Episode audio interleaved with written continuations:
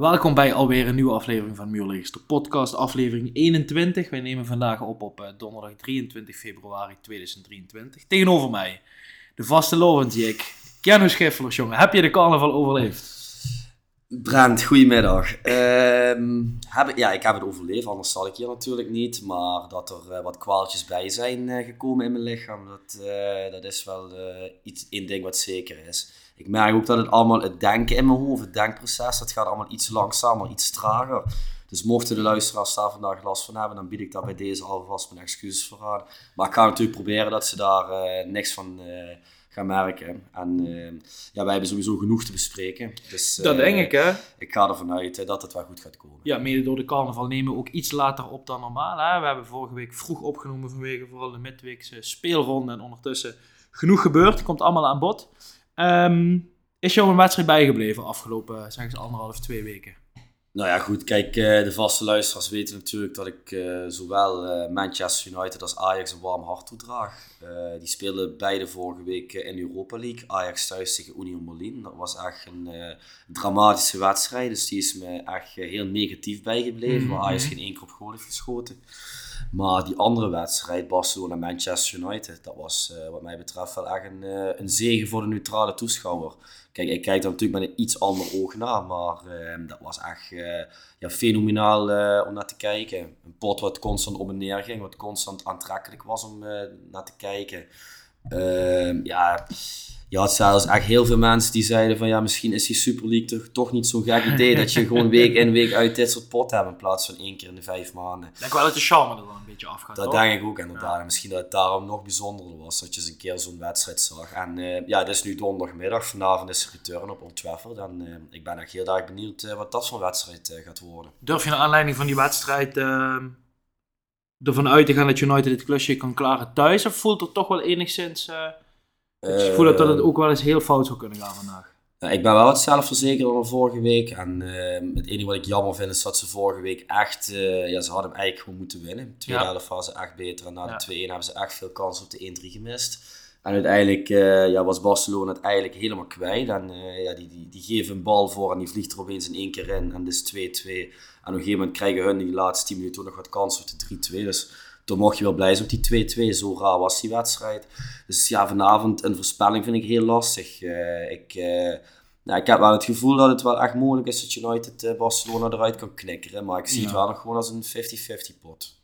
Ja, ja ik, denk, ik denk wel dat het de mentale, de mentale, hoe zeg ik dat, voorkeur zal ook voor United zelf wel er zijn van, we moeten dit thuis gewoon, gewoon afmaken. Je hebt in Camp Nou mee kunnen voetballen met Barça, met Vlagen, gewoon de betere partij. Dus ik denk eerlijk gezegd dat het vanavond wel, eh, wel moet lukken. Maar ja, het blijft natuurlijk voetbal. Dat hebben we de afgelopen week ook eh, gezien. Dat Ja. wedstrijden van eh, binnen 20 minuten op de kop kunnen gaan. Ja, als je dan bijvoorbeeld eh, de wedstrijd van jouw club aanhaalt, vorige week tegen Manchester City. Ja, Ja, ja, jullie verloren hem dan. eh. Iets wat voor jou eigenlijk het meest vreselijke scenario was. Want jij dacht van het gaat invloed hebben op de rest van het seizoen. Ja, En als je dan ziet dat City dan vier dagen later meteen punten verspeelt bij, bij Nottingham Forest, dan denk je van ja, naar welke sport zitten wij te kijken? Ja, precies dat. En, en natuurlijk inderdaad, hè, eh, eh, woensdag was echt een eh, mentale tik. Ik was ook echt bang dat dat, ehm, dat dat zeg maar de negatieve spiraal ging inzetten. En ik heb meermaals gezegd,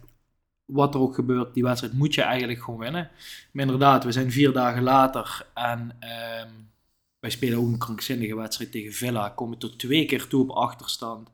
In de 93ste minuut door een eigen goal van Emmy Martinez of all Oh. people winnen we die pot nog. Uiteindelijk worden we nog 4-2. Ja, en dan twee uur later een City die, ehm, die gelijk spelen tegen Forest. Het Forest schiet één keer op goal en het is een doelpunt. En die Haaland die mist nog voor open goal een bal. Ja, eh, wat is, wat is het toch een gekke sport. En wat is het eigenlijk ook een, een sport van momenten, bedacht ik me. Het is echt gewoon, zeg maar, je kunt, en dat zag je natuurlijk in die eerste helft tegen City. Wij waren, naar mijn mening, de bovenliggende partij. Eh, we dwongen City naar een spel wat ze al jaren niet meer hebben gevoeld. Dat was namelijk de lange bal. Volgens mij op een gegeven moment 30% balbezit. Maar gewoon de beslissende momenten, de twee foutjes achterin. En, en, en die verliest die wedstrijd met 3-1. En eigenlijk hetzelfde geldt voor die pot tegen Villa, waar we de eerste helft echt dramatisch waren. Tweede helft wel iets beter, waar je nog in de 70ste minuut of 75 minuten Eudegaard, Eudegaard hebt die een kans voor open goal mis. En toen, toen zat ik hier op de bank, toen dacht ik, dit is het moment Ja. waar we in week 38 naar terugkijken en zeggen, die bal heeft ons het kampioenschap gekost. Ja, dat snap ik En wel. 10 minuten later, of Ja. 13 minuten later, weet je, dan, dan scoor je. En dan door Jorginho. Ja, geweldig. Die, is meteen, eh, die is meteen omarmd binnen het Arsenal. Ik moet wel oprecht zeggen. ehm, ik heb jou op het moment dat het nieuws bekend werd, zo eind januari. Eh, sterker nog, 31 januari was dat. Dat ik zei van, wat moeten we in godsnaam hiermee? Het is geen party, maar ik moet wel heel eerlijk zeggen, ik moet hem credits geven. Want hij stond er tegen City en tegen Villa. Gewoon echt. En ehm, ja, weet ik niet. Ik, eh, ik ben zeer positief verrast. Ja, gelukkig. Ja, misschien koop je nog een Arsenal shirt met zijn naam erachter. Wat is Dat, dat? dat, eh? dat, lijkt, dat lijkt me sterk, Oh, eerlijk gezegd. Maar ik wil er nog terug naar een andere wedstrijd. Namelijk mijn wedstrijd eigenlijk, die mij is bijgebleven. Meest, een van de meest recente wedstrijden ook. Maar dat was toch wel dinsdag de Champions League. eh, Liverpool, Real Madrid. Ja, als we dan zeggen dat voetbal een rare sport is, dan eh, is die wedstrijd daar wel symbolisch voor. Ja, ik, ik, ik denk dat als je hem niet hebt gekeken, dan, dan raad ik het aan. Ik denk dat het... Er zijn weinig wedstrijden die ik 90 minuten lang terug zou willen kijken, maar dit is er wel eentje van. Want eh, ik moet zeggen, ik vond het fantastisch om te zien, ondanks dat ik niks met de club heb, maar hoe Liverpool ouderwets op Anfield eroverheen vloog de eerste 25 minuten. Kijk, je kunt veel zeggen van die goal van Courtois is gewoon een gigantisch fout, maar dat dwing je af. Hè, door die manier hoe ze hem daar vastzetten. Dan denk je bij 2-0, denk je, jezus, Real niet in vorm, zijn ze het dan kwijt? Gaan een Modric, Benzema, Kroos, dat soort namen dan toch eindelijk nu het, aan het einde van de lantijn? Ja, en dan, dan, dan eh, met individuele klasse, foutje aan de keeper en gewoon zo gigantisch scherp op de counter winnen ze die wedstrijd met 2-5. Ja, dat is echt ongekend, man. Ja, en Liverpool wat een fenomenaal eerste half uur speelde, maar in de tweede helft Totaal instort. gigantisch kwijt is. Totaal instorm. Niks van van over. Ja. dat is echt, eh vond ik wel schrikbarend om te zien. En een Courtois en een Alisson horen naar mijn mening bij de, in de top drie beste keepers van de wereld. Op dit moment 100%. En die zeker. heb ik nog nooit een fout met de voet zien maken. En nu gebeurt het gewoon bij beide eerste helft. Want ook Alisson, dat vond ik toch ook wel een gigantische Ja, blunder. ik moet wel zeggen, Alisson heeft dat wel wat meer in zijn spel. Courtois heb ik dat inderdaad nog nooit zien. Maar echt van dit niveau, zo'n grote fout is niet iets wat ik op het netvlies heb dat ik ooit kan herinneren dat hij dat eh, gedaan heeft. Ja, ja, kan- hij, ja. hij kon ook naar rechts, Nee, naar links, omhoog. En wat doet hij? Maar ik vraag me dan af, zeg maar, wat gaat door de kop van een keeper? Ja, kortsluiting denk ik. Wat doet die Courtois? Want hij hoeft eigenlijk maar één... Hij krijgt een vreselijke kutbal teruggespeeld natuurlijk. Maar hij hoeft maar één ding te doen, is die bal eigenlijk omhoog te rossen. Mhm. Dan gaat hij hem willen aannemen, krijgt hij behoorlijk op de knie. Maar goed, ja, weet je dat... Eh, ehm, Liverpool komt zo nog wel even te Ja. sprake in onze stellingen. Maar ja, je- ja, dat is natuurlijk wel echt een, eh, een mentale klap. En het laat voor mij toch wel weer zien dat wat er dit seizoen in de Champions League gaat gebeuren. We schreven Real vorig jaar, eh, denk ik, eh, om de ronde af. Maar dat is echt een ploeg eh, waar we gewoon tot het einde rekening mee moeten houden, man. Ja, dat hebben ze vorig jaar wel 100%. bewezen. Ja, En dat verdienen ze ook eigenlijk, die, die statuur, dat ze echt niet afgeschreven mogen worden. Absoluut. Ik vond vooral die, was het de 2-5 van Benzema? Waar die gewoon, Schitterend doelpunt. hij staat gewoon bijna stil in de Ja. 16, gewoon zo rustig en dan Ja. links de bovenhoek in. Zeg maar, met, met vier mensen die om hem heen jagen. Ja, heel knap. Leuk potje. Ja. Zullen we door de stellingen door? Prima. We hebben geprobeerd om eh, de, de afgelopen twee weken een beetje in, eh, in vijf stellingen te duwen. Eh, we gaan zeker dingen missen, maar goed, dat hoort er ook bij. Stelling 1, Keanu. Dan gaan we even naar, naar Kerkrade. Eh Rode JC gaat de play-offs niet halen. Eens.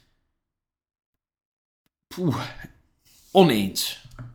Stelling 2. Ruud van Nistelrooy en PSV verdienen veel meer kritiek van de Nederlandse media. Eens. Eens. Stelling 3. Het is terecht dat de baan van Jurgen Klopp niet ter sprake staat en die van Graham Potter, trainer van Chelsea, wel. Oneens. Eens. Stelling 4. Het is geen schande als Ajax niet van Union Berlin wint. Heel lastig, maar eh, dan ga ik toch voor oneens. Ik ben het ermee eens.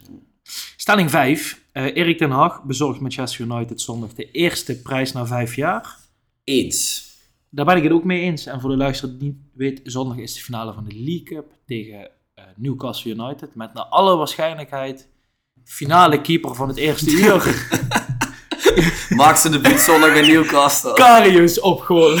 Ja, Ja, ik, ik was in denken, ga ik hem nu belachelijk maken, maar dadelijk wordt het penalties en pakt hij vier van de vijf penalties. Dus uh, ik denk van, ik moet misschien niet te hard roepen, maar het is wel een heel grappig verhaal. Dat uitgerekend hij zonder die ja. wedstrijd van Newcastle gaat keepen. Ja, ja. ja maar ik vind, met alle respect, goed, uh, lachwekkend natuurlijk hoe Nick Pope die finale voor zichzelf verpest.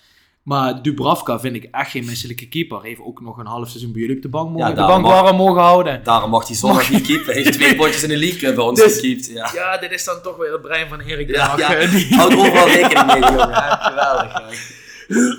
nee, goed. Uh, laten we even teruggaan naar stelling 1. Uh, eh, Roda verloor afgelopen zondag uh, uit bij de Graafschap. sommige durven met te stellen vrij kansloos. De week ervoor verloren ze ook vrij kansloos uit bij Top Os. Dat is de nummer 18, waar ze thuis dit seizoen ook al van verloren hebben. Uh, en dat betekent dat het, uh, het seizoen van uh, Edwin de Graaf even wisselvallig is begonnen als dat van Jurgen Streppel is geëindigd. Um, jij geeft eens op de stelling aan als jij verwacht dat Rode de players niet gaat halen. ik ben eigenlijk benieuwd waarom, want ik vind het eerlijk gezegd in de KKD lastiger om ze niet te halen dan wel te halen. Nou, ik vind echt dat deze fase dat Roda zo wisselvallig presteert en het voetbal zo matig is, nu echt veel te lang duurt. Ja. Uh, het verschil met de graafschap was voor de wedstrijd 7 punten. Dat is nu uh, ingekort tot 4 punten. Daarnaast hebben ze ook nog uh, NAC en ADO onder zich staan. Twee ploegen die echt de weg omhoog hebben gevonden met de nieuwe trainers. daarmee bedoel ik Dick Advocaat en Peter Riballa. Ik verwacht dat die twee ploegen sowieso over Roda nog heen gaan. En ja, door de neerlaag tegen de Graafschap uh, zie ik eigenlijk de Graafschap ook nog wel over Roda heen gaan. En de enige belofteploeg die boven Roda staat is Jong AZ. Dan ben ik wel eerlijk dat ik MVV ook nog wel uh, uit de play-off ja, stand zie gaan. Dat zie ik ook nog wel Alhoewel ik daar maandag wel wat van gezien heb tegen Jong Ajax. Als die met uh, 7-4 winnen, dan was is er niks. Terecht? Ja, was het ook terecht geweest. Dus het kan misschien zijn dat die wel even in een fase zit dat allemaal tegen zit. Want die neerlaag tegen Roda dat had, was wel een verdiende overwinning voor Roda, maar het had niet veel geschild. Het had ook, het had ook anders kunnen uitpakken met iets meer geluk. Maar ja, ik bij dit Roda, daar zie ik gewoon uh, echt geen aanknopingspunten dat dat heel snel uh, een stijgende lijn uh, gaat pakken. En vind je dan dat, ehm, dat het enigszins, in ieder geval na de eerste weken, de graaf kan worden aangerekend? Of zeg je van de selectie is gewoon zo middelmatig dat dit niet goed genoeg is voor top 8? We het even, in dit geval is het top 9 met een jong AZ uh, ja. nog daarin. Hè? Ja, uh, klopt.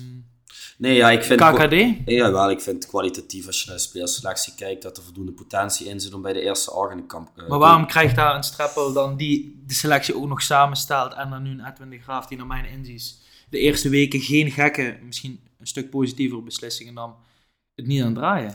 Ja, goede vraag. Ik denk waarom misschien de eerste wedstrijden wel iets beter liep, is omdat toch, eh, als er een nieuwe trainer komt, dan krijg je toch een soort van frisse wind binnen de selectie. Dan weet mhm. iedere speler, we beginnen weer op nul. Als ik wil spelen, dan moet ik nu alles geven, zodat deze trainer me gaat opstellen. Maar uh, ja, je ziet toch na die eerste drie potjes uh, dat het verval eigenlijk weer heel groot is. En dan bedoel ik niet alleen de resultaten, want je kan natuurlijk ook pech hebben met de resultaten, maar het vertoonde spel, dat is echt naar mijn mening van een zwaar belabberd niveau. Waar de wedstrijd tegen Helmond Sport, die was voor mij wel bij uitstek eentje die er uh, bovenuit stak. De week daarvoor win je tegen MVV. Dan denk je van, oh, dit moet zo'n boost geven om de weg omhoog te vinden. Ik zei Topos of was het Helmond Sport? Nee, Helmond Sport. Oh, oké, okay. uh, heb ik het fout gezegd net in de inleiding. Uh, ja, zei je Tobos? Ja, ik zei Tobos, ja. Oh, dat uh, heb ik helemaal niet meegekregen. Nee, maar na MVV moesten ze dus uit tegen Helmond Sport, nummer 18 van de keukenkampioen divisie nul schoten op goal met 1-0 verliezen. Ja, dan denk ik van, ja, weet je, wat, wat zijn je ambities? Uh, waar, waar, ben je in godsnaam mee bezig? Hoe kan je nou als club zijn uh, uitspreken dat je vol, volop voor promotie wilt gaan en uh, dat dit het vertoonde spel is wat je laat zien op de mat? Kijk, en je kan natuurlijk altijd zo'n wedstrijd ertussen hebben in het seizoen, maar dit gebeurt nu wel echt veel te veel. Is het hele seizoen al op en af, hè? Precies, kijk, en morgen krijgen ze Almere City thuis. Dat is gewoon een stabiele nummer 3 in de kampioen divisie. Ja, dan verwacht ik ook gewoon een neerlaag. Dus uh, ja, ik, eh, ik zie het eigenlijk heel snel naar beneden kelder als ik heel eerlijk ben. Ja, ja, ik snap dat wel. Ik moet wel nog steeds heel eerlijk zeggen dat ik wel denk dat er genoeg individuele kwaliteit in zit. Dat, ja, in ieder geval dat, dat er wel nog wedstrijden gewonnen gaan worden. En ja, goed, kijken naar de ranglijst. Het is niet dat het al een gigantisch gat is, dus daarom ben ik misschien nog enigszins positief. Maar ik deel wel echt heel erg jouw mening. Um, ik denk persoonlijk zelf, wat ik het grootste probleem vind, is vooral uh, de creatieve toevoer naar in ieder geval een Dylan Vente. Kijk, achterin kun je zeggen, het is misschien allemaal te oud en te traag en dat soort zaken. Maar goed, ik vind het ook wel een niveau. Iedereen krijgt hier redelijk wat doelpunten tegen. Ja. Dus er staat achterin best wel wat Ik ervaring. vind alleen Maar- die Lambrechts is echt te zwak. Die andere die- drie, dat vind ik Ik vond die tegen MVV wel weer een hele degelijke pot voetballen. Ja, je gaat er met minder genoegen nemen bij hem. Maar eigenlijk, Misschien- eigenlijk misschien is het te, weinig. in Maar als ik dan gewoon, en da- dat is denk ik gewoon wel te verwijten naar één speler die eh, misschien voor dit rode onvervangbaar was, maar wat Fluke vorig seizoen was, mede ook voor een Dylan Vente. Ja, die, die, ik, ik zie die gewoon hele wedstrijd, raakt die drie keer de bal. Ja, en dan jongen- gaat hij de bal op het middenveld halen. Ja, en, en dan staat er niemand meer staat voor er in. niemand in de spits. Dus, dus dat is echt, dat is echt, ja, dat is echt heel vaag, man. Dus ik vind het ook zeer frappant dat er best wel wat, eh, wat stevige uitspraken zijn gedaan, wat je al aanhaalde, maar dat de club zich probeert als grote club te profileren. Laten we, is niet misselijk natuurlijk, het is een grote club. Hè? Eh, je zou kunnen zeggen, qua statuur en, en historie de grootste van, eh, van Limburg. Ehm, maar gewoon op het veld is het echt gewoon een veredelde amateurploeg. Ja, en ook absoluut geen team. Nee.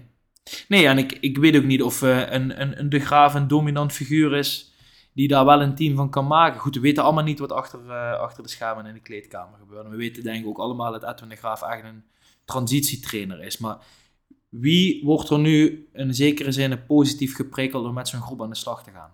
Er is toch geen enkele trainer die, die nu denkt, we gaan met het rode aan de slag. Want ik heb echt het gevoel, wat, hoe langer dit duurt, dit uitstellen van promoveren, hoe meer je in de vergetenheid gaat raken.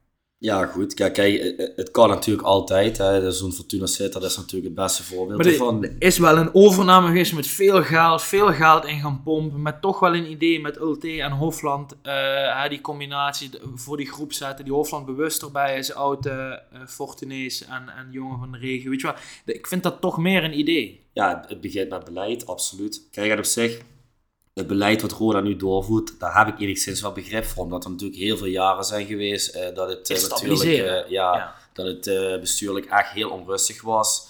Ehm, ja, natuurlijk flinke financiële problemen waar ze nog steeds mee kampen. Dus ik snap dat ze daar geen gekke dingen mee doen. Nee. Alleen ja, je moet wel natuurlijk ook een beetje reëel naar de buitenwereld blijven. Je kan niet zeggen van we gaan volop voor promotie en in januari haal je dan een wisselspeler van de graafschap. En dat is het dan om je team te versterken. Nee. Weet je, dan, dan kom je ook niet geloofwaardig over naar zo'n Nee, maar ik, ik, ik geloof oprecht dat Joris Peters en de jongens daarmee dat idee hebben. Alleen de investeerders, eh, in zekere zin in de Phoenix groep, waarvan ik steeds meer wel het idee krijg dat het niet per se op dit moment het allerbeste is. Goed, zij zorgen voor stabiliteit, maar die durven it. niet, die durven niet zeg maar, de portemonnee te trekken. En eh Rode heeft in het verleden denk ik veel fouten gemaakt. Je kunt beter dit soort jongens voor de groep hebben dan potentieel zo'n eh, Koroteev en dat soort jongens die toen ter sprake kwamen. Toch op papier loesje figuren. De La Vega. Eh, de La Vega natuurlijk eh, als, als ultiem hoogtepunt. Of dieptepunt. Ehm, maar ik denk dat het echt valt en staat bij... Gaat er iemand de portemonnee kunnen trekken om gewoon dadelijk echt te investeren in die selectie? Want het is gewoon op dit moment inderdaad niet meer dan een ploeg die thuis denk plek 6, 7 in de KKD. Maar Qua selectie. jij bent er wel echt overtuigd dat ze binnen die eerste acht gaan, eh, gaan eindigen. Ik zou het echt knap vinden als dat niet lukt, ouwe. Ja. ja, ze staan nu tiende. En ehm, ja, Het zou misschien wel een bepaalde wake-up call zijn. Dat het niet per se zomaar eh, eh, noodzakelijk is of een gewoonte is dat Roda met twee vingers in de neus de play-offs haalt. Nee, nee dat, dat, ze hebben in ieder geval bewezen dat dat sowieso niet het geval is. En eh, kijk, natuurlijk, er zijn nog 13 wedstrijden, maar als je me nu vraagt wat is je gevoel, gaan ze het redden of niet, dan, eh, ja, dan is dat antwoord echt nee. Als je nu on the spot vraagt, dan is het ook nee. Maar gezien het nog 13 wedstrijden zijn, vind, ja, nogmaals zou ik het echt knap vinden als het niet lukt. Dat wil overigens wel ook voor mij per direct uitsluiten dat van die play-offs niemand wat hoeft te verwachten. Nee, nee, nee. Want zelfs nee. als je nu promoveert per ongeluk, is die club echt niet klaar om een. e- Dan ben je, het seizoen daarna zit je, er, zit je er weer in. En dat is, dat is misschien wat mij het meeste zorgen baart. Dat je niet zeg maar, je mist zeg maar die aansluiting al in de top van de KKD. Want ik vind eigenlijk, wil je Eredivisie ready zijn, ehm, Moet je kampioen worden? moet je kampioen worden bij de eerste twee. Of moet je zien op bestuurlijk niveau dat de club zo klaar is om ook meteen in de Eredivisie te blijven. Kijk een beetje naar NEC, die wonnen ook de play-offs, maar daar zat wel al een visie achter. Ja, klopt, maar die hebben natuurlijk wel zo'n massa boekhoorn die op de achtergrond altijd die begroting... Eh, maar, dat is, maar dat is wat ik bedoel, nee, snap maar ja, kijk, als je natuurlijk eh, wil wachten tot Roda dat bereikt heeft, uh, dan zit je misschien drie, vier seizoenen in de keukenkampioen-divisie en dan is ook de vraag of je dan als club zijn dichter uh, bij uh, promotie, als je, als je zeg maar promoveert, dat je dan dichter bij handhaving meteen in de Eredivisie bent, in plaats van dat je meteen uitkeldert. Want als dit zo door blijft lopen, dan gaan sponsoren natuurlijk ook weglopen. Ja, maar dat, is, dat, is een dat snap ik heel goed. En je moet natuurlijk zo snel mogelijk promoveren. Maar denk je dan dat de situatie zo is, en om even dit punt er nog af te ronden, dat stel Roda zou wonderbaarlijke uh, wijze dit seizoen promoveren. Denk je dan dat die Phoenix groep zegt, oké, en nu maken we het geld vrij? Want het is niet dat daar het geld niet zit, toch? Nee, klopt. Maar ja, ik denk dan wel dat je een speler... Uh, is het toch voor een speler interessanter om bij Roda te tekenen dan bij Excelsior of bij Emmen? Ben ik 100% met je eens. Maar vind je dat er, wat mij betreft, op Dylan Ventena, die ongeacht wat er gebeurt sowieso weg is, is er geen enkele Eredivisie-waardige speler in de selectie. Dus dan moet je gewoon, dan moet je gewoon 15 jongens van buiten afhalen. Dat is toch gewoon falen en dat is toch gewoon succes voor directe degradatie dan? Nee, ja, goed, misschien wel. Maar ja, je ziet uh, aan zo'n Volendam ook bijvoorbeeld, die halen ook gewoon een heel nieuw elftal. En ja, goed, ik zeg niet dat die het gaan redden, maar ja, ik, zeg niet, ik, ja, ik denk niet dat die uh, laten zien van behoren totaal in de Eredivisie thuis. Kijk, er zijn toch altijd in die Eredivisie, weet je, je gaat toch altijd met vijf, zes ploegen, ga je toch altijd als strijder onderin. Kijk naar zo'n FC Groningen. Weet je, ja, die, die... Is een beetje het vergelijk wat, wat, wat in, in het degrada eerste degradatie met Roda natuurlijk gebeurt. Dat eigenlijk de bestuurlijke problemen zo groot waren. En, en Twente natuurlijk hetzelfde. Dus dat kan altijd dat je in zo'n seizoen instapt en dat je het dan toch gaat redden. Dat, dat is natuurlijk, zo, zo ver kunnen wij niet vooruitkijken. Dus ik sta wel er meer achter van. Ik heb liever dat ze dit seizoen promoveren dan over drie jaar als de club misschien wat gezonder en wat stabieler is. Ja, dat snap ik man, snap ik. Laten we Roda even wat het is. We gaan morgen het... Uh, van dichtbij aanschouwen. Van dichtbij aanschouwen, is flink analyseren. Ja, dat is, dat is, ik denk dat we ervan gaan genieten morgenavond. Oh, Stelling 2, en dit is eentje die uh, al een beetje in een verkaptere versie een aantal weken terug uh, ter sprake kwam. Toen de tijd Alfred Schreuder nog uh, trainer van Ajax, ondertussen niet meer. Ruud van Nistelrooy, toen de tijd trainer van PSV en nog steeds. PSV werd afgelopen donderdag kansloos verloor in Sevilla, waardoor je dus kunt stellen of er moet straks een wonder gebeuren dat die dus ook uit Europa League vliegen. Uh, haken wat mij betreft sinds afgelopen weekend ook af in de titelrace. Ondanks dat het nog even is. Maar ik denk dat PSV niet mee gaat doen. Uh, ik denk echt dat het tussen Feyenoord en Ajax gaat. De stelling luidt volgt. Ruud van Nistelrooy en PSV verdienen dus daarom ook veel meer kritiek van de Nederlandse media. Uh, in zekere zin uh, de shitload wat Alfred Schreuder over zich heen heeft gekregen. Waarom is het zo verdacht stil rondom PSV en Ruud van Nistelrooy en het technisch beleid? De enige reden die ik daarover kan bedenken is dan denk ik toch de cultuur wat, uh, wat binnen en rondom uh, de club PSV hangt. En, en dat is toch uh, het feit dat, dat PSV, ja, ze vinden natuurlijk dat PSV moet meedoen om de landstitel, maar stel ze worden tweede of derde, dan wordt dat toch schijnbaar geaccepteerd door een hele grote groep uit Nederland. Ja, en als ik dan bijvoorbeeld terugkijk naar de zomer, waar een, eh, een Luc de Jong, Guus Til, Xavi Simons best wel leuke namen uh, binnengehaald werden. Waarbij iedereen, waarbij iedereen echt zoiets had van, poeh, dit PSV, uh, dat kan serieus wel eens uh, kampioen worden dit jaar. Absoluut. Ja, en als ik dan zie wat we tot nu toe van dit PSV gezien hebben, op zowel nationaal als internationaal niveau, dan is dat naar mijn mening echt schrijnend.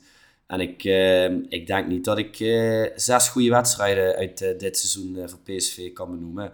En misschien die vier of vijf die wel goed waren, die waren bijvoorbeeld tegen FC Groningen waar ze thuis met 6-0 winnen. En ze waren ook wel erg goed in Europa League tegen Arsenal. Dat heb ik dan aan denk Ja, klopt, maar Arsenal wel met een toch min ja, meer Ja, ja, zeker, maar dan waren ze wel erg sterk. Maar goed, denk je ook dat het te maken heeft, want we waren het allebei ruim eens met deze stelling, dat er wat meer begrip en medeleven is vanwege het vertrek van toch wel de twee beste spelers in de PSV-selectie. Maar de weken en Gakpo in, uh, in de winter. Dat uh, mensen zeggen van ja, wat, hadden, wat had je verwacht? Wijze van, hè? Misschien wel, maar als ik eerlijk ben, vind ik dat de eerste seizoen zelf van Nistelrooy ook al wel wat meer kritiek had moeten krijgen. Want uh, ja. er werd bijvoorbeeld verloren uit bij Cambuur met 3-0, die pas twee wedstrijden dit seizoen hebben gewonnen. Maar we uit bij Groningen met 3-1 verloren, die uh, nauwelijks een wedstrijd dit seizoen winnen. Nee. Ja, weet je, dat, dat zijn wel dingen die hem als trainer zijn overkomen. En ik vind ook, als jij een speler als Luc de Jong haalt, die is natuurlijk al wekenlang hopeloos uit vorm. Maar ik vind toch dat je er als trainer voor moet zorgen, als je een spits van dat niveau hebt, dat hij in de Eredivisie minimaal 20 doelpunten Ja. maakt. Ja, Jezus, ja, dat vind ik toch wel leuk. Ja, en als ik dan zie hoe Luc de Jong momenteel voetbalt, dat ligt natuurlijk ook grotendeels aan zichzelf. Maar dan ben ik toch wel teleurgesteld. En vooral Ruud van Nistelrooy, die naar mijn mening altijd een topspits op internationaal niveau is geweest. Dat hij het niet voor elkaar krijgt dat Luc de Jong eh, na week in week uit, of in ieder geval minstens één goal in twee weken tijd maakt. Ja, dat vind ik best wel schrijnend. Eh, dus ik, eh, ik ben nog niet helemaal overtuigd van de trainer Ruud van Nistelrooy. Ik vind wel op de manier hoe hij zich naar buiten presenteert, vind ik op zich wel prima. Maar bijvoorbeeld zoals vorige week die wedstrijd tegen Sevilla. Eh, toen heb ik eerst uh, Ajax tegen Union Berlin gekeken. Daarna was het Sevilla PSV. Toen heb ik toevallig de eerste 40 minuten gezien. En eh, toen was PSV beter. Kreeg ze ook wat kansen. Maar daarna had ik zoiets van, ja goed, ik heb dit wel gezien. Ik ga naar huis. Eh, toen was ik 25 minuten later thuis. Ik denk, oh kijk eens hoeveel het daar staat. 3-0 achter. Ik denk, wat is hier gebeurd? Dus daarna het interview gekeken met Van Nistelrooy. En toen vroeg die journalist van, ja Ruud, eh, je speelt naar mijn mening, speel je de beste 40 minuten van dit seizoen. En toch verlies je met 3-0, hoe kan dat? Ja, dan verwacht ik dat een trainer gewoon zegt van, ja, dat waren helemaal niet onze beste 40 minuten van dit seizoen. Maar dan zegt hij doodleuk van, ja, nee, dat klopt. Ja, kijk, PSV had balbezit, ze creëerden twee kansen in het Sevilla-stadion. Maar nou, om te zeggen dat ze echt dat Sevilla wegspelen, nou, Nee. bij verre van, als ik heel eerlijk ben. Maar is het dan, is het dan de, wat je net terecht aanhaalt, de persoonlijkheid die dan toch misschien een rol speelt, omdat Schreuder... eh, ja, hij kon eigenlijk vanaf het begin al niet heel veel goed doen. Er is natuurlijk er is een groot verschil tussen Ajax en, en, en PSV, wat je zegt qua cultuur. Er komen natuurlijk ook steeds wel wat dingen naar buiten over hoe Schreuder zich in de kleedkamer eh, gedroeg. En eh, die uitval na de wedstrijd tegen Excelsior natuurlijk in de media.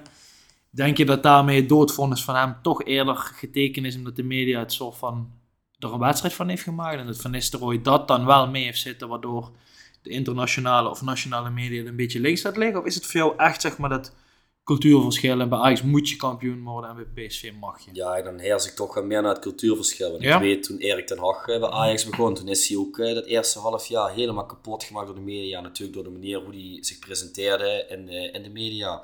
Dat was natuurlijk niet heel sterk. De resultaten vielen ook tegen. En eh, ja, de media was hem eigenlijk gewoon al eh, de deur naar buiten drijven. En ook het bestuur van Ajax natuurlijk echt schuldig eh, aan het maken hoe ze ooit voor iemand als Erik ten Hag hebben kunnen kiezen. En bij Schreuder is er naar mijn mening ook vooral zo'n telegraaf, die, eh, ja, die werken natuurlijk echt niet mee. Nee. De enige hoe je hun tegen kan Ja. werken is door gewoon goede positieve resultaten te halen. Ja, en toen Schreuder uiteindelijk die wedstrijd na Excelsior met die tirade op die persconferentie begon, ja, toen wist ik wel van dit is, eh, ja, dit is een, een lont wat aangestoken is en dus wacht tot die afgaat. En ja, goed, je ziet toch bij, eh, dat er bij PSV een cultuur heerst van ja, als je daar een keer niet wint, dan is dat nog niet het einde van de wereld. En dat, zo werkt het bij mij, naar mijn mening, werkt het wel zo dat het in de internationale top moet je die cultuur wel gewoon hebben, dat iedere wedstrijd gewoon gewonnen moet worden. Ja, ik vind het gek, want het is toch gewoon, nou, ja goed, ik heb eh, persoonlijk eh, helemaal niks met zowel PSV als Ajax. Als er als een club is in Nederland waar ik nog een beetje sympathie voor heb, dan is dat, eh, dan is dat Feyenoord. Ehm, maar PSV en Ajax zijn toch de afgelopen jaren wel gewoon de twee topclubs van Nederland, ook op internationaal niveau vertegenwoordigd. Dus ik, vind het, ik zou het gek vinden als die cultuur er niet heerst. Nou ja, ik zou het misschien zelfs wel afdwingen eh, op, als ik een of andere technische functie zou hebben. Hè? Of als ik Ruud van Nistelrooy zou zijn. Nee, ja, goed. eh, ik, ik vind dat zelf ook. Maar ja, als je voor heel eerlijk kijkt naar PSV, toch ook alweer vier jaar geen Champions League gehaald. Dat is dan ook eigenlijk onacceptabel. En op voor deze manier gaan ze dat ook niet halen. Hè? Nee, nee, klopt. Eh, kijk, dit jaar is het sowieso dat eh, nummer 2 nog de voorronde moet spelen. Maar ja. als ik toch kijk naar de ontwikkeling bij Feyenoord, waar je natuurlijk heel extreem de hand van de trainer ziet. Stel, die zou nog een seizoen blijven. Ja, je weet sowieso dat er bij Ajax sowieso meer mogelijk is dan bij welke andere club Ja, in Nederland 100%. ook. Ja. Ja, dan zie je het ook niet zomaar gebeuren dat PSV zich volgend jaar wel eventjes bij die eerste twee eh, op de eindklassering gaat neerzetten. Wat een gigantisch belangrijk jaar is wat we Absoluut. de afgelopen En keer Je kan je ook verwachten dat zo'n AZ, die gaat misschien iets meer investeren omdat die zoiets hebben van, poeh, ja, nu is die kans wel heel groot om die Champions League te bereiken. Mhm. Misschien een FC Twente wat wat meer durft. Ja, daar moet je toch allemaal rekening mee houden. En eh, ja, op deze manier gaat PSV wel die boot missen.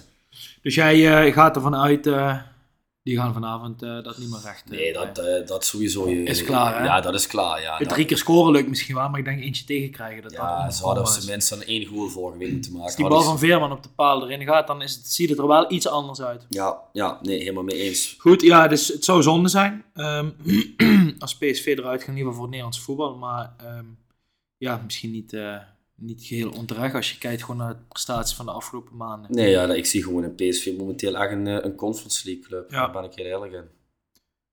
Zo, dat zijn nest. ja, ja, ja, moet ja, ik even, even, moet ik even laten bezinken wat hier Ja, ja, sorry. Uh, maar jij bent het daar niet mee eens. Jij vindt vind ik misschien wel erg voorbarig. Ja, als ik naar die ploegen kijk wat momenteel in Europa League spelen, dan vind ik PSV dan niet aan dat niveau. Ik vind het uh, is misschien meer schandelijk dat United en uh, Barça in Europa League voetballen dan, dan, dan, PSV, snap maar als je naar die andere ploegen in Europa League kijkt, dat vind ik toch wel echt, uh, ja, dat, dat vind ik toch wel echt van een niveau wat PSV momenteel niet aantikt. Ja. Um, stelling 3, maak een sprongetje naar, naar Engeland.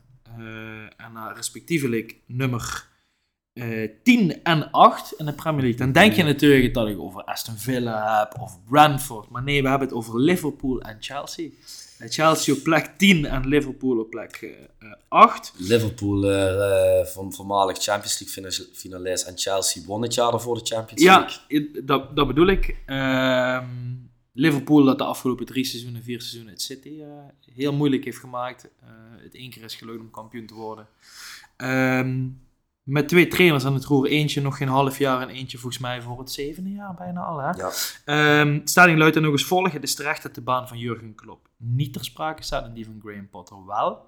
Jij was het daarmee oneens. Ja, dat klopt. Inderdaad. Oké, verklaar. Nou, uh, ik vind uh, eerlijk gezegd wel dat uh, de baan van Jurgen Klopp ter sprake gesteld okay. mag worden. Okay. En ik, ik moet zeggen, Jurgen Klopp is een moment bij Liverpool ingestapt waar Liverpool echt zwaar dramatisch jaar in jaar uit presteerde. En is de achtste volgens mij seizoen ervoor, hè? Of dat zou heel goed kunnen. Zoiets in die, in die trans. Klopt, toen moesten ze Europa League spelen. Klopt kwam, het eerste wat hij bereikte was de Europa League finale. Die werd toen wel verloren van Sevilla, maar het was wel een teken van oké, Liverpool leeft weer. Ja. Uh, de jaren daarna, wat hij met die club heeft gedaan, ja, daar kan ik alleen maar diep respect voor hebben. Zowel op internationaal niveau als op nationaal niveau. Ja. Maar uh, ja, ik ben toch bang. Kijk, we zitten nu 23 februari. En uh, ik ben toch echt bang dat we een punt hebben bereikt dat uh, daar het beste wel vanaf is. En dat kan, hè. dat is heel normaal. Als jij zes seizoenen top presteert, dan is het heel normaal dat het het zevende seizoen wel eens een keer tegen kan vallen. 100%. En, alleen is het dan de schuld van Klopp? Of zeg je dit is gewoon een soort natuurlijk beloop, een selectie wordt ouder, dus met andere woorden, moet het bestuur een besluit nemen, dus moet zijn baan ter sprake staan, of moet hij aan het einde van het seizoen zeggen, ik kies voor de beste van de club en ik ben pleiten? Uh, ja, ik, ik, denk dat dat sowieso niet zal gebeuren, dat tweede. Ik denk, ik denk het eerste ook niet. Uh, het zal het, het, bestuur sieren om uh, Jurgen Klopp eh, aan het roer te houden, maar ja goed, ik ben wel heel eerlijk. Ik zie wel echt weinig progressie bij dit Liverpool, dat ze nu nog die laatste maanden een eindsprint gaat maken. Dat ze ja, sowieso Europa League gaan halen, maar ik zie sowieso niet gebeuren dat ze nog in die top 4 gaan komen. Ja, dus uh, zeven punten en een wedstrijd minder. Uh, excuus, uh, acht punten en twee wedstrijden minder naar de top 4. Ehm, het is niet onhaalbaar natuurlijk. Ik ben het met je eens dat het zeer wisselvallig is. Je zou zeggen na de overwinning tegen Everton en daarna tegen Newcastle. Oké, ze zitten in die flow. Gakpo begint met scoren. Salah begint in vorm te raken. Van Dijk komt terug, dat soort dingen. Um, ja, goed, dit van afgelopen dinsdag zal een zeer, zeer zware mentale tik zijn. Ja, je kan best verliezen van Real Madrid, maar, maar dat 2 5 Dat ja, En die wedstrijd ook, hè. Ze vallen eigenlijk het seizoen samen. Dat, ja, dat contrast was echt groot. Ben je ook niet met me eens dat uh, Liverpool in een transitieperiode zit? Waardoor dit heel logisch is. Uh, ja, tuurlijk. Uh, dat, ze zitten in een transitieperiode, dus het is logisch dat het wat minder gaat. Maar ik, uh, ja, ik schrik gewoon een beetje van uh, hoeveel minder het is. Ben je ook met, misschien een soort mini-stelling, maar met mij eens dat het soort type speler wat ze het meeste missen een type Wijnaldum is? Mm, interessante vraag. Ik vind wel echt het middenveld, vind ik dit seizoen ook voor de eerste keer sinds jaren wel echt van een te laag niveau. Of dat dan per se aan Wijnaldum ligt. Uh, en heb ik het over het, niet het gemis van Wijnaldum, maar type speler. Iemand ja, nee, nee, klopt. rond de 16, in de 16, Die was Echt een natuurlijk box. Thiago is altijd met de punten achter. Fabinho is altijd met de punten achter. Henderson, met alle respect, is ook al 34 of 33. Da- daar is het beste vanaf. Eh dan hebben ze nu Bajitic op het veld staan. Een jongen van 18. eh, die naar mijn mening niet klaar is voor dit niveau. Die, die ook afgelopen eh, dinsdag te veel dingen wilde doen. Eh, foute dingen. Die de goal ook de 2-1 of de 2-2 schuld is in ieder geval eh, waar de goal uitvalt.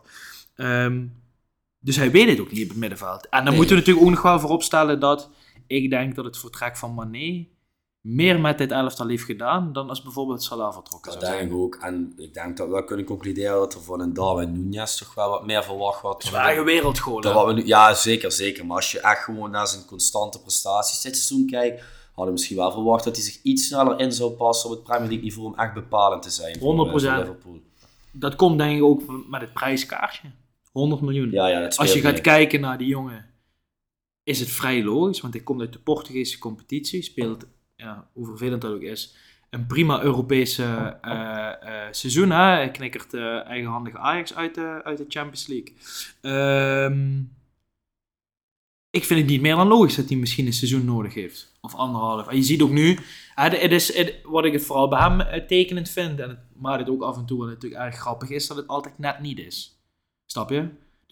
Maar dat wil wel zeggen dat als het dadelijk net wel is, dat het wel ook altijd net wel is. Het kan, het kan heel snel omslaan. Alleen, vind je dan ook niet dat er misschien, dat het gewoon echt eh, zo'n seizoen uit duizenden is? Of is het voor jou echt dat je denkt van, dit gaan zij niet meer recht kunnen Ja, brengen? wat Het is ik- gewoon volgend seizoen wederom hetzelfde. ja, wat, wat gewoon echt het handelsmerk bij dat Liverpool was, was echt dat druk zetten. hè. Op de manier hoe hun dat deden, dat, dat was echt van een krankzinnig hoog niveau. En Ja. dat konden ze gewoon 90 minuten lang de afgelopen seizoenen altijd volhouden. Ja, Ja, en zoals afgelopen dinsdag zag ik dat dan een half uur zag ik dat echt dat terug. was ook echt niet, ja, dat was ook echt niet normaal. Nee, man. was Dat echt, niet normaal. geweldig. Dat Ja. had, had ik dit seizoen nog niet gezien. Maar wat je vooral veel dit seizoen zag, is dat die, eh, dat die gaten en eh, dat die ruimtes tussen die linies, dat was echt krankzinnig groot. En ja, ik was een beetje teleurgesteld in Klopt en dat hij zoiets heeft van, ja, dit is mijn handelsmerk, zo heb ik Liverpool op de kaart gezet.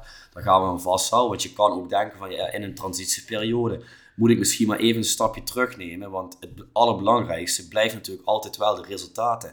Maar denk je niet dat hij gewoon niet anders weet? En dat die jongens, Ja, dat hij gewoon uitgaat van zijn kracht, waar ze de afgelopen vijf seizoenen... Maar dat is natuurlijk in mindere mate ook een beetje het probleem van bijvoorbeeld een Peter Bos. Kijk, je moet wel kunnen zien datgene waar ik voor sta voor het voetbal, als dat niet functioneert, dan moet ik Ja. misschien maar even tijdelijk iets anders doen. Geen plan C. Precies, zodat ik het vertrouwen bij de spelers weer terugkrijg, zodat ik daarna wel weer terug naar plan A kan gaan. Ja. Ja, en dat, dat zie ik dit seizoen niet. En ja, weet je, als je ook het niveau van een, eh, van een Van Dijk of van een Robertson of van een Alexander Arnold eh, dit seizoen vergelijkt met de afgelopen seizoenen, ja, dat verschil is wel echt gigantisch groot. Ja, alleen zeg ik daar dan weer, als je het mij vraagt, hè, en, en zeker de kritiek naar Klopp, die moet er zijn. En ik vind ook zeker dat enigszins ter sprake moet komen, maar ook dat is weer niet meer dan logisch, vind ik. Die jongens die sluipen na de 30 of zijn de 30 gepasseerd ondertussen. Alexander Arnold niet dan. hè. Nee, die, die dan niet, maar Van ik moet zeggen dat hij misschien al twee seizoenen een minder seizoen heeft. Ehm, ehm, maar het is voor mij ook wel, vind ik, wat een rol speelt,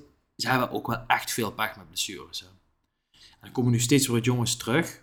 Ik denk namelijk zo'n Darwin Nunez, dat klopt, die misschien het liefste niet week in week uit had gebruikt. Zeker voor het geld, maar niet op basis van zijn vorm. Ja, als je dan en Jota geblesseerd hebt en Firmino, die eigenlijk, ja goed, dat is eigenlijk niet meer de Firmino van wat het was, maar ook op en aan geblesseerd geweest. Hetzelfde met Gakpo, hè. die wordt er voor veel geld gehaald. En die heeft dan nu eindelijk eens een keer twee fatsoenlijke wedstrijden gespeeld. Maar dat waren Ja, ik, ik vond de eerste helft tegen Real vond ik hem ook erg sterk, man. Hoe die me daar Camavinga op het middenveld afhoudt en die paas Ja. geeft waar de 1-0 uitvalt. Ja, dat is natuurlijk wel echt... eh, Nee, klopt. Dat is wel echt heel sterk, man. Waar die echt op de Firmino manier inzakt, de bal komt halen en een korte draai weg is. Maar dat, dat is het ook. Als het team draait, dan draait. Maar er zit er wat mij betreft nu te veel, te veel zand in de motor, zeg maar. En voor mij het meest tekenen is toch echt dat middenveld, waardoor het gewoon, ja, wat je zegt, er gaat er niet zijn, het niet aansluit.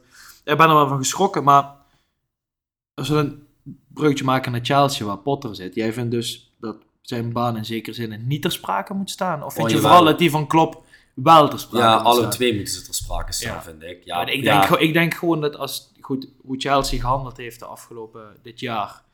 ehm, ik kom er nog steeds niet bij hoe ze in godsnaam Tuchel hebben kunnen ontslaan. daar sluit ik me volledig bij aan. ik, dat Ja. snap ik echt niet. Nee. Want ik denk, met en deze investeringen en Tuchel, Jezus Christus, dat had het echt een ziekelijk team kunnen zijn. Maar nu krijg je dus een trainer die, die zich heel erg heeft opgewaard in zijn carrière. Hè. Laten we daarvoor opstaan voordat hij bij, eh, bij Brighton eh, was, was trainer van eh, FC Mietjesland, zoals Jan Boskap zou zeggen, Mietjeland. Ehm, nu de stap moet maken naar Chelsea. Daar wordt voor een half miljard geïnvesteerd dit seizoen. En hij moet het er maar mee doen.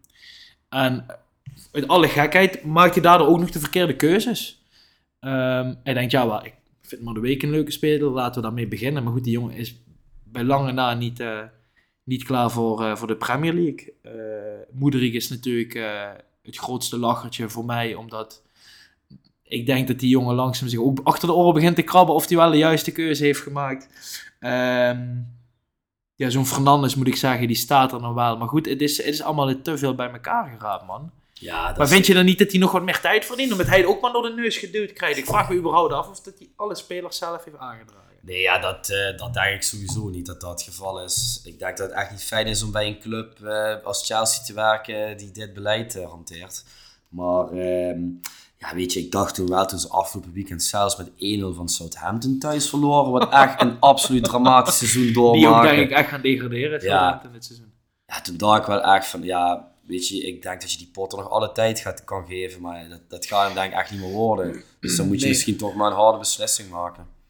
Maar ja, wie zou dan trainer moeten worden? Ja, ik denk wel dat er heel veel vrijstaande trainers dat hun handen wel jeuken om bij Nee, Chelsea ja, aan de slag Dat zou eens misschien een iets andere vraag zijn dan toen we hadden in de periode van Ajax. Maar wie, wie gaat er nu instappen Ja, van eh, dit niveau? Zidane, Pochettino? ja, ik denk als je die twee benadert dat ze beide ja zeggen. Denk je niet? Ja, ik, denk- ik denk het ook, maar ja, zijn dat dan... Ja, ik, ik moet zeggen, ik wil het nog wel eens zien dan met een Zidane of zo. Ja, je eh, kan de wel bijna niet slechter dan dit doen. Hè? Nee. Ja, wat mij betreft mag Graham Potter nog heel lang Ja, aanblijven, voor mij ook, eh, ja. eerlijk gezegd. Maar eh, nee, ja, goed, we gaan, we gaan het ook volgen. Kijk, Chelsea is natuurlijk nog niet uit de Champions League van Liverpool. Kunnen we dat ja, toch wel stellen. Ja, die gaan het niet meer redden. Die gaan het niet meer redden. Nee. Chelsea 1-0 verloren tegen Dortmund. Eh, dat is volgende week de return. Hè? Ja, klopt. Eh, dus die kunnen in principe nog door. Dan ziet de wereld er misschien rooskleurig uit. Ik denk eerlijk gezegd, als hij er daar uitgaat, dat hij eruit vliegt, Potter. Als de Champions League hem niet gaat worden, Ja, dan nee. knikkeren ze meteen eruit. dat denk ik ook inderdaad. Ja. Ja, misschien een comeback voor Lampard. Ehm, Die kans lijkt me klein. als we dan een bruggetje maken naar, eh, naar vanavond. Ja. Eh, als mensen dit luisteren, dan eh, is de wedstrijd al geweest.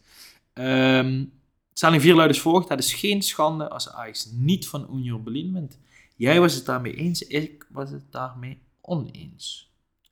Eh, het is geen Sorry, andersom. Ja, Excuus, andersom, ik was het ja. daarmee eens, jij was het daarmee oneens. Ehm, nu snap ik dat van uit jouw oogpunt als Ajax ziet zijnde. Maar als ik tegen jou zeg dat Union Berlin gewoon meedoet voor de titel in de Bundesliga, Ajax titelkandidaat is in de Eredivisie en er toch wel een groot verschil in die competities zit. Waarom ben je, vind je het dan een schande? Nou, al die argumenten eh, die gingen ook door mijn hoofd. Dus ik was ook in twijfel om misschien eh, me toch bij, eh, bij jou een antwoord aan te sluiten. Maar ja, dan is bij mij toch de overtuiging dat ik vind eh, dat Ajax gewoon wel Union Berlin moet uitschakelen. Ondanks dat die dit jaar een sensationeel seizoen doormaken. En Ajax Vorig jaar natuurlijk ook al. Hè? Kijk, Ja, we gaan, ja. gaan we dan op basis van naam en verleden of gaan we op basis doen van prestaties de afgelopen twee seizoenen? Nee, ja, ik vind, kijk, ondanks het feit dat Ajax een dramatisch seizoen doormaakt, er zijn wel gewoon ambities dit seizoen uitgesproken. En hoe slecht het ook gaat, je doet wel nog gewoon voor alles mee. En die zit nu in de tussenronde van de Europa League. Daarin tref je Union Berlin, momenteel nummer 3 van Duitsland, doet mee met het kampioenschap. Je weet, daar kan je van verliezen, maar de prestatie van vorig jaar, die was, of vorig jaar van vorige week, die was eigenlijk al eh, te schandalig voor woorden op de manier hoe ze daar voor de dag kwamen. Ja, Dus ik blij zijn dat je niet verliest. Precies, dus ik verwacht vanavond wel een reactie dat er heel anders gevo- gevoetbald Ja. wordt. Ik verwacht ook echt een stuk dominanter Ajax. En een Ajax wat er alles aan gaat doen om voor de winst te spelen en niet gaat spelen om niet te verliezen. Mocht dat dan op die manier niet lukken, nou goed, dan kan ik er misschien ook nog wel mee leven. Maar ehm, ja, als ze weer zo voor de dag komen als vorige week en het gaat, en lukt niet, dan is het wel een schande, naar mijn mening, man. Stel, ehm, je gaat er vanavond uit, wat ik als reëel acht. En nogmaals, ik zou het geen schande vinden, want ja, met alle respect, Union Berlin is op dit moment twee stappen verder dan dit Ajax. Hè? Eh, nogmaals, op basis van de prestaties dit seizoen. Is dan ook niet fijn om gewoon volledig te concentreren op de eredivisie? En zou je dan kunnen zeggen, met alle perikelen rondom de trainer... ehm, transfers die, uitgaande transfers die een grote klap hebben gehad, inkomende transfers die zwaar gefaald zijn, dat het gewoon knap is als Johnny Heitinga dit Ajax naar een kampioenschap leidt. En dat je dan alsnog kunt spreken van ondanks alles een geslaagd seizoen. Of is voor jou dat toch gewoon misschien een halve finale, finale bereiken van Europa League ook essentieel in? Nee, ja, ik, uh, ik, ik denk dat Johnny Heitinga uh, vanavond eruit vliegt en toch kampioen wordt met Ajax, dan heeft hij het geweldig gedaan. Dan vind ik dat niet dat je dat Johnny Heitinga kan afrekenen. Maar, en, en Ajax in het algemeen? Ja, ja, tuurlijk. De, uit eruit vliegen in februari in de tussenronde van Europa League, niet eens de achtste finales bereiken in Europa League, dat, dat, daar mag je niet akkoord mee gaan. Dan moet je toch wel van een schande spreken. En ehm, ja, ik, ik hoop natuurlijk dat het niet zo ver gaat komen, maar ehm, nee, ik vind wel dat je als Ajax zijnde moet uitspreken dat dat onacceptabel is. Ja. Kijk, een kwartfinale, halve finale, ja goed, je moet toch een beetje geluk met de loting hebben. Stel je hier naar uh, United of Barcelona, ja, of Juventus, die zit er natuurlijk gewoon in. Ja. Dat soort ploegen, weet je wel. Ja, kijk, dan is het geen schande, maar Union Berlin stond uh, strategisch, organisatorisch, stond het echt geweldig bij hun. Maar het was ook geen wonderploeg. Nee, het is een ploeg die echt vanuit het systeem voetbalt. Hè? Een beetje met alle respect... Uh nou, alles wat Jurgen Klopp heeft gedaan, maar die trok ook geen wereldsterren aan. Die heeft echt specifiek spelers gezocht. En wat dat betreft, alle krediet naar de trainer en wat hij met dit Union aan het doen is. Ehm, maar ik denk wel eens terugkomen naar de volgende stelling, dat, waar we volgens mij wel allebei mee eens waren, dat dit Union Berlin toch wel echt een matig groot is voor, uh, voor dit Ajax. In ieder geval, vorige week hadden we het over. Ja. Uh, dus ik vind het dan niet zo gek als dit zou gebeuren. Nee, het ligt misschien de lijn der verwachting, maar uh, toch als Ajax zijn nee, dan mag je daar uh, absoluut uh, niet mee akkoord gaan, naar mijn mening. Ja.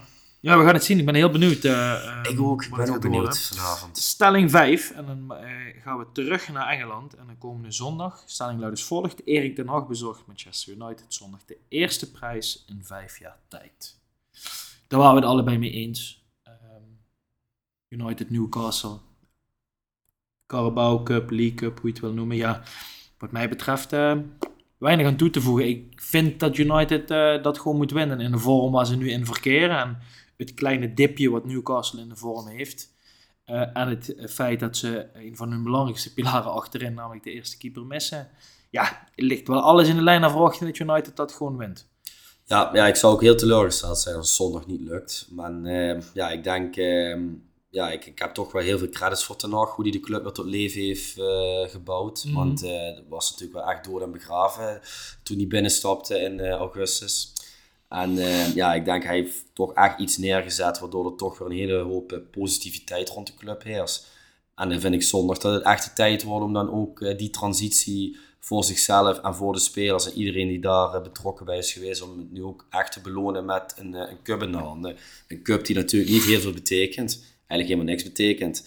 Maar uh, ik denk voor iedereen uh, die United een warm hart toedraagt. En uh, in de afgelopen, als je de afgelopen seizoenen meeneemt, dat het wel zeker wat gaat betekenen dat er toch eindelijk weer een, een cup omhoog met de handen kan, omhoog kan gehouden worden. Ja, ja, ja. Ja, um, ja Newcastle natuurlijk een geweldig seizoen, dus dat het een walk-over wordt, dat, dat denk ik absoluut niet. Maar uh, ja, ik vind wel uh, dat United de favoriet is om zondag uh, te winnen, ja. Ja, dat denk ik ook, man. Dat denk ik ook. Ik, uh, ik denk de vorm waar United nu in verkeert, dat, uh, dat ik de afgelopen weken zelfs nog wel getwijfeld heb.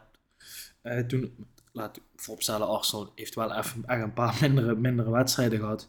Dat ik misschien nog wel bang was dat we ook nog wel uh, dat plek 2 in gevaar zou komen. De, vrede mee gesloten dat City, dat City sowieso kampioen zou worden. Dat ziet er natuurlijk nu nog steeds heel anders uit. Maar door het feit dat City ook punten blijft verliezen, kruipen jullie toch stilletjes aan steeds dichterbij. Ik weet dat er een wedstrijd uh, tussen zit. Um, zou dit iets zijn waar ze nog stiekem op uh, kunnen focussen, denk je? Toch nog een, een buitenkantje voor de titel? Wow, dat denk ik Ik snap dat, ik weet dat er rondom de wedstrijd Arsenal United sentiment heerst. Daarna zei iedereen, oké, dit is klaar. Uh, dit, op dit moment heeft United een titelkansen verspeeld. Maar als je kijkt naar de ranglijst, en ervan uitgaan dat in voetbal alles kan gebeuren. Het is niet onmogelijk. Nee, klopt. Ik moet je ook heel eerlijk zeggen. Ik vind het echt vervelend dat ik dat gevoel had. Maar uh, ja, toen ik, ik was ook tweede helft van Aston Villa Arsenal aan het kijken. En jullie stonden 2 en achter. Ja, ik denk van ja goed, als dat Arsenal nu echt een beetje in een fase komt waar de boel een beetje in elkaar stort. En die verliezen vandaag weer. We hadden nog niet eens de wetenschap dat City punten bij Forest ging uh, verliezen. Ik denk van ja, weet je, dan, dan kan het toch nog gewoon. Maar goed, die laatste 20 minuten van jullie, die waren natuurlijk dan ook wel echt van een heel ander niveau, wat ik niet Ja. zag aankomen. Dus ik denk van ja, nee, hier moet je helemaal niet aan denken. Nee, want je, je moet nog uit naar Liverpool, eh, je krijgt Chelsea nog op bezoek, eh, je, je moet nog uit naar Newcastle, weet je. En zo kan nog wel even doorgaan. Ja, en dat dus is natuurlijk wel de wedstrijden die United komt uit een vrij, ehm, ik wil niet zeggen makkelijke periode, maar de wedstrijden die gewonnen zijn, die moet United ook, ook Ja, winnen. Alleen Hè? tegen City thuis misschien. City eh, thuis, ehm, ja, maar ik vind ook Barça, hè, je laat het wel zien. Ik, wat ik wel nog vind bij United is, eh, waardoor ik eh, ook niet denk dat het een realistisch ding is, het hangt echt te veel af Ja. van Rashford. Ja, dat en, is een en, feit. en ik moet ook wel eerlijk zeggen, ehm, ondanks dat ik helemaal niks met de club heb, toch enigszins wat credits naar Ten Hag, dat hij hem in ieder geval aan het voetbal heeft gekregen, dat hij ook die stabiliteit heeft gebracht. Maar er, wordt ook, er heerst ook wel een sentiment, wat natuurlijk in Engeland het snel is, van dat Ten Hag een of andere wondertrainer is. Maar laten we niet vergeten dat hij ook gewoon 200 miljoen uitgegeven heeft in de zomer. Hè?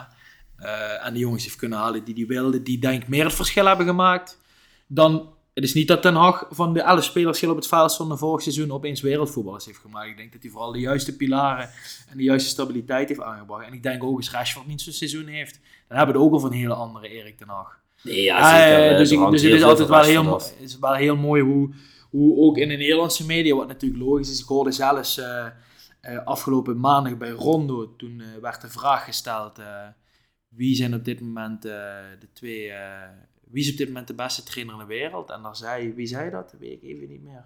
Zei Marco van Basten, zei Erik ten Hag. Ik schrok ervan. Ja, nee, dat is natuurlijk onzin. Maar ik bedoel, het sentiment wat er ook eh, ja. omheen gecreëerd wordt. En, ik, en ik, ik hoop ook dat, dat hij niet, zeg maar, als het een keer wat minder gaat, wat altijd gaat gebeuren, dat hij dan met de, met de grond naar beneden wordt gehaald. Ik denk inderdaad dat zondag wel voor hem de bevestiging is. En ehm, zijn moment dat hij in ieder geval nog twee seizoenen krijgt. Ja, wat er zeker. ook gebeurt, zeg maar, als hij zondag wint, dan, dan krijgt hij die. Dat heeft hij wel verdiend. Nee, zeker. Kijk, maar dan op een iets lager niveau. Als je ziet wat zo'n slot bij Feyenoord doet. Die namen natuurlijk over na het seizoen van Advocaat. Waar Feyenoord de zes in de Eredivisie werd. En Dat is via de nog tien keer play-offs. ja. eh, Kijk, je ziet echt, die heeft die club echt eh, op de kaart gezet. Dan zie je echt duidelijk de hand de trainer, van de trainer. Ja, United was natuurlijk de afgelopen seizoen ook dramatisch. En zeker het seizoen onder Rangnick eh, vorig seizoen. Waar er gewoon echt eh, geen sprankje rood meer in zat. Dat het ooit nog de club Nee, ging worden. nee. Wat het ooit geweest Nee, is. dat- maar ik denk wel dat heeft, dat heeft nog echt goed heeft Echt, hij weet heel goed welke punten die nu moeten adresseren en welke misschien volgend seizoen en het seizoen daarna. Maar dat heeft er denk ik ook wel mee te maken dat er, wat er ook gaat gebeuren helemaal met de potentiële overname. Of ja, sterker nog, die overname gaat er komen. Maar dat er gewoon ook 500 miljoen in gaat. Snap je wat ik bedoel? Ja, en dat ja, hoort er misschien dat- ook bij. En dat is wat United de afgelopen jaren heeft gedaan. Maar ik denk dat is natuurlijk wel... In mijn, ik vind dat wat Eddie Howe bij Newcastle doet misschien knapper is dan wat Ten Hag bij United doet. Mm, ja, dat is beide heel knap. Ehm, ja, of dat knapper is, dat weet ik niet. Kijk, hij heeft natuurlijk een paar jongens kunnen halen die hij wilde dat hij kwam. Maar goed, eh, toen Martinez kwam was er natuurlijk enorm veel kritiek van hoe kan je in godsnaam zo'n kleine centrale verdediger halen. Toen Casemiro kwam was er heel veel kritiek. Hoe kan je in godsnaam voor iemand van die leeftijd 70 miljoen betalen? Hij heeft dat toch eh, vast aangehouden. Anthony was natuurlijk heel veel kritiek. Die heeft naar mijn mening ook eh, nog niet laten zien. Ik vind eigenlijk alleen van de spelers die gekomen zijn, zijn Eriksen, Casemiro en Martinez, die echt een grote toegevoegde waarde hebben aan dit elftal. Ja. En er zijn natuurlijk een heleboel voetballers die echt de afgelopen jaren waardeloos gepresteerd hebben in het United-shirt. En die toch eh, aan het voetbal hebben gekregen. Ja, Waardoor Rashford, Rashford echt... Eigenlijk de enige toch? Maar ook Dalot, Wan-Bissaka. Ook vond een paar waardeloze ja, seizoenen. Ik vond Dalot vorig seizoen eigenlijk al, eh, Vond je, ja. al, al, al beter, zeg maar. Dan, kwam, en kwam ook- tekort voor het niveau, naar ja, mijn maar, en- mening. maar ook gewoon een gast... Ja, weet ik niet. Het, is niet, het heeft vooral te maken denk ik, met omgeving en, en eh, positiviteit in een club. Het is denk ik nu hartstikke fijn om op het trainingsveld te staan bij United, terwijl het vorig seizoen niet was. En nee, nee, Dat is wel wat ik zei. Ik vind de enige waar hij echt meer uit heeft gehaald, wat, wat zichtbaar is. Al denk ik ook dat dat vooral gewoon te maken heeft met hoe die jongen tussen de oren zit, is Rashford. Ja, ik las vandaag een anekdote van eh, Bruno Fernandes. Ik weet niet of je dat ook gelezen hebt. Nee. Ehm, ja, toen Ten Hag binnenkwam, wa- was er meteen de tekst van luister, eh, of je doet mee of je vliegt eruit. Zeg het maar, mij maakt het niet uit. Toen hadden die spelers onder zich zoiets van ja, ik weet niet echt of die Ten Hag echt die grote spelers durft aan te pakken. Maar met. Ronaldo heeft hij natuurlijk meteen dat- echt een enorm statement gemaakt hoe hij erin stond. Ja. En eh, er was eh, een wedstrijd in eh, november, toen was Rashford echt in bloedvorm. Toen kwam hij een keer te laat. Ja, dat is meteen eruit. Ja. En, eh, ja, Tegen Wolves uit, Ja, tegen Wolves. Bal en scoorde die. Ja, en toen begon hij meteen op de bank. En dat was voor die spelers wel echt een signaal van oké, we, we moeten echt totaal geen één keer mogen we niet een keer 100% geven op een trainingsveld Ja. of tijdens een wedstrijd. Want wie je ook bent, en wat je naam ook is, hoe je ook in vorm bent, je staat er gewoon naast dan. Ja, en ik denk dat die structuur, dat dat echt broodnodig was binnen Ja. United. Want Ja. dat was echt de afloopseizoenen. Weet je, je las het dat al die spelers, eh, die, eh, die hadden allemaal eh, een eigen privékok. Eh, iedereen deed eigenlijk wat hij zin in had. Er was totaal geen Allemaal samenhorigheid. individuen. Precies, ze waren Ja, gewoon ja. alleen maar individuen. Ja. En eh, ja, dat vind ik wel echt, eh, ja, dat vind ik wel echt een prestatie van Ten Hag. Maar natuurlijk, weet je, als Rashford eh, zondag zijn been breekt, of vanavond zijn been breekt, en het is einde seizoen, dan kan de boel heel snel in elkaar storten. Ja. Dat, zo reëel is het ook. En op zo'n dun lijntje bevind je ook. Dus daar moet je wel constant, eh, ja, dat moet je wel constant in je hoofd houden, vind ik. Ja, maar ik denk wel dat we kunnen concluderen dat als Rashford fit blijft en eh Weghorst het zo geweldig blijft doen als nummer 10. Vanavond staat hij alweer op nummer 10, joh. dat was het laatste, was natuurlijk een grapje. Eh, maar dat de Champions League wel gewoon de top 4 is dan toch wel eigenlijk gewoon, dat moet haalbaar zijn. Het zou uitermate teleurstellend zijn als dat eh, niet gaat lukken dit seizoen. Laten Maar- we, laten we ervan uitgaan. Kijk, en dat, dat maakt het natuurlijk een bijzonder seizoen. Hè? Eh, nogmaals, ik wil het ook niet te veel in perspectief plaatsen. Zo van, dit is een, een one-off season voor Arsenal. Maar laten we niet vergeten waar Chelsea en Liverpool staan. Die naar mijn mening altijd voor die bovenste vier plekken mee moeten doen. Laten we ook niet vergeten dat... ehm, ik, ik denk Tottenham onder een andere trainer wel mee kan doen in de top 4. Ja, als je Eh, maar ook dit seizoen niet, hè? Ook nog altijd, Newcastle is een ploeg die als ze dit seizoen niet halen, er wel eentje gaat zijn die het volgend seizoen en het seizoen daarna moeilijk gaan doen. Dus het voelt wel als een moment inderdaad voor Ten Hag, als het nu niet aanhaken is, dan is het misschien wel voor langere tijd afhaken.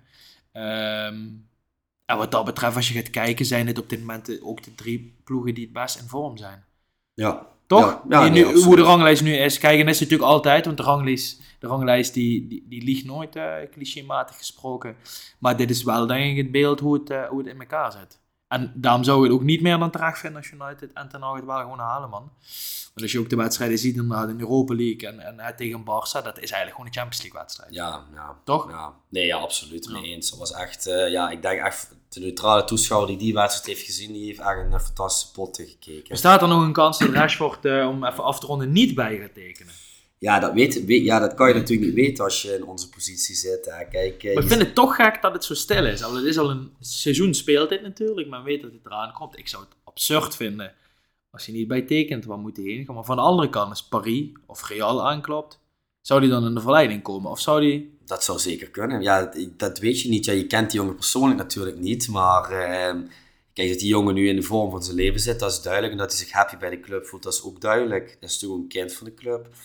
Maar eh, ja, het, het zou zomaar kunnen. Er zijn zoveel rare dingen in die voetbalwereld gebeurd. Ja, het, het, het zou zomaar kunnen. Dat, eh, het zou natuurlijk wel echt heel teleurstellend Ja, zijn. ja. Want Ten Hag heeft ook nu een salarisplafond eh, Ja. ingediend. Dat, er, dat spelers maar maximaal 2 ton per week mogen verdienen. Dus dat is, ja, dat is natuurlijk vrij weinig als je naar de salarissen van de United-spelers de afgelopen jaren kijkt. Vrij weinig, dat was zijn nog eens uitspraken. Ja, de Gea verdiende, verdiende dubbele. Ik weet nog toen Sanchez eh, bij jullie tekende, Alexis Sanchez wel. Heeft hij bij United gevoetbald? ja? Eh, ja, achteraf ook aangegeven dat het echt de grootste fout in zijn carrière was. Eh, dat hij eigenlijk na één trainingssessie al zijn zaakwaarnemer heeft gebeld en heeft gezegd van kan ik nog terug naar Arsenal. Maar die ging vijf ton per week verdienen, weet je Ja, nog? Klopt. Ah, wow, Ja. chef. Ja, die heeft niet heel veel betekend voor ons, kan ik je vertellen. Maar goed, ja nee, de- de- vrij logisch. Maar goed, salarisplafond. Rashford zal er natuurlijk meer willen gaan verdienen. Ja, dat klopt. En dan is het dus heel spannend wat United gaat doen. Van gaan we dan dat salarisplafond puur van Marcus Rashford doorbreken? Of houden we ons daaraan vast en misschien gaat zo'n Paris hem 4 ton per week eh, bieden en dat hij zoiets heeft van ja, dan ga Ken je, die, eh, ken je die anekdote van Erik ten Hag met die, eh, die vrouw die de shirtjes waste bij Twente toen hij nog speler was? Waar de jongens dan aan het einde van het seizoen altijd, eh, als ze weet ik veel, top 4 hadden gehaald of zo, zeiden van kom jongens, leggen allemaal twee tientjes in de envelop. Toen halen ze dan het seizoen niet. Zei ten Hag, eh, nee. En hadden de jongens gezegd in de groep van, eh, kom we doen het weer voor, eh, weet ik veel, Hanny de koffiedame of zo. Had hij gezegd, nee, nee, doe ik niet. Oh nee. De afspraken niet, het was alleen de afspraak bij de top 4. Oh nee, Dus daarmee de, de eenlijnigheid van Ja, Ten Hag en nog een stellig, trainerschap en stelligheid. Is dit, is dit dan iets waar toch nog de stelligheid van Erik Ten Hag... eh, Ja, ja dat, dat wordt natuurlijk heel interessant om te volgen. En uh, ja, je krijgt natuurlijk hoe langer het duurt voordat dat nieuws naar buiten komt, uh, des te meer verhalen natuurlijk in de media rond gaan slingeren. Dus uh, ja, dat kunnen we maar, wel met interesse gaan volgen. We gaan het zien, ook natuurlijk de, de overname, potentiële overname van, van United gaan we volgen. We denk eerst maar eens even voorbereiden voor jou op, op vanavond. Als men dit luistert, dan weten ze ongeveer wat voor humeur je volgende week bent. en dan weten we helemaal na zondag of uh, Ten Hag uh, de eerste prijs pakt in zijn eerste seizoen. Ja, dat, uh, dat gaan we zondag zien. Ik ben zeer benieuwd. Het worden vier pittige, maar leuke, hopelijk leuke dagen. um, zullen we het hierbij laten? Ja, ik denk dat we best wel alles ja, binnen een, een klein uur wel netjes besproken hebben. En dat we niet echt iets gemist hebben. Of... Nee. Nee, naar mijn mening niet. Nee, nee oké. Okay, ja. Brent, uh, dankjewel dat ik hier aanwezig mocht zijn vandaag. Ja, jij bedankt en tot uh, volgende week dan weer. Tot volgende week. Goedjes.